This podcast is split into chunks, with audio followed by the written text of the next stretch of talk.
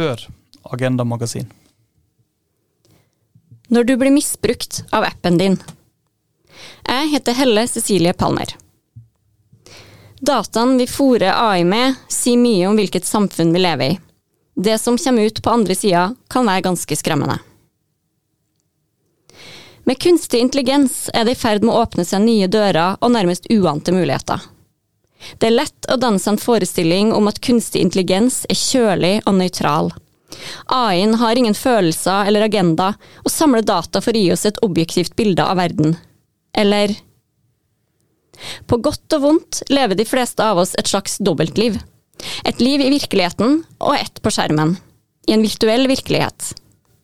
Vi kan finne et fellesskap her, komme i kontakt med mennesker vi ellers aldri ville ha møtt.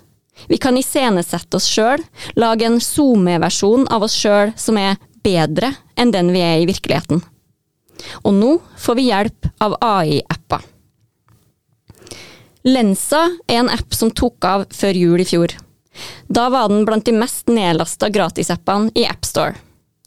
Populariteten skyldes at appen ved bruk av AI kan lage kule tegneserieversjoner av det, Magic Avatars, som de kalles, mot en relativt liten sum penger.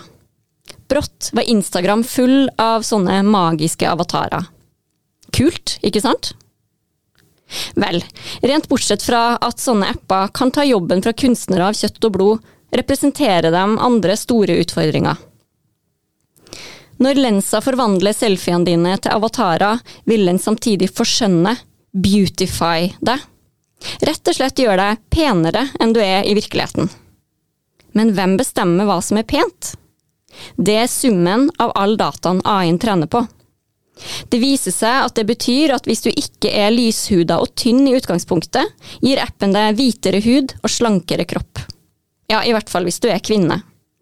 Det vestlige skjønnhetsidealet gjelder altså, uansett hvor du kommer fra og, hvor, og hvordan du ser ut i utgangspunktet.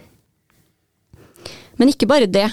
Er du kvinne, innebærer Lensas definisjon av skjønnhet også at du er utfordrende kledd, eller naken, og at du poserer med trutmunn og soveromsøyne.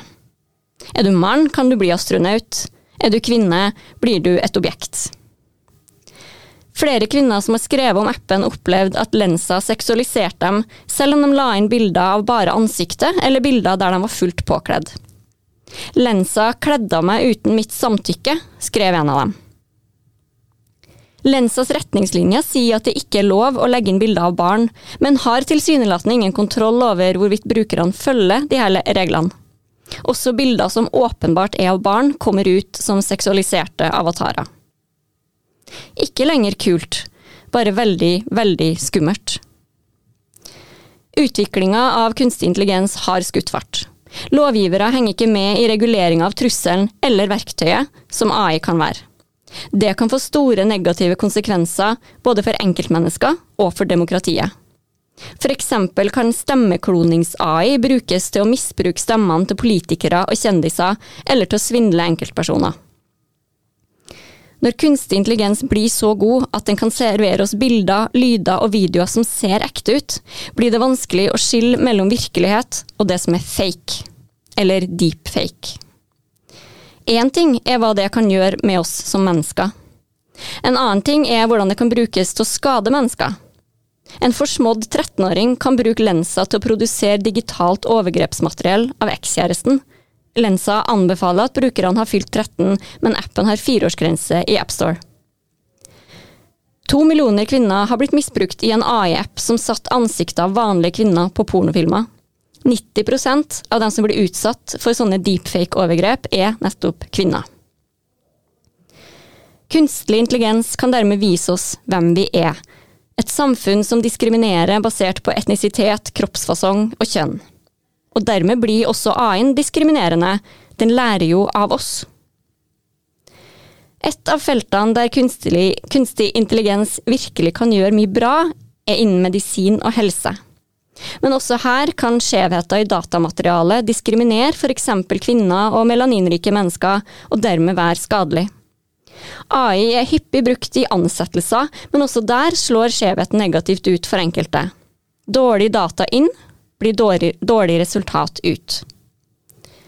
Så hvordan fikser vi det her? Jeg kan for lite om kunstig intelligens til å skulle komme med en løsning som fikser alt, men jeg må innrømme at jeg er bekymra. Og jeg tenker at først når vi er klar over blindsonene i dataen, er det mulig å gjøre noe med dem. Men det er også helt essensielt at vi som samfunn bestemmer oss for hvordan kunstig intelligens skal kunne brukes, og ikke brukes, i framtida. Og framtida, den er her nå.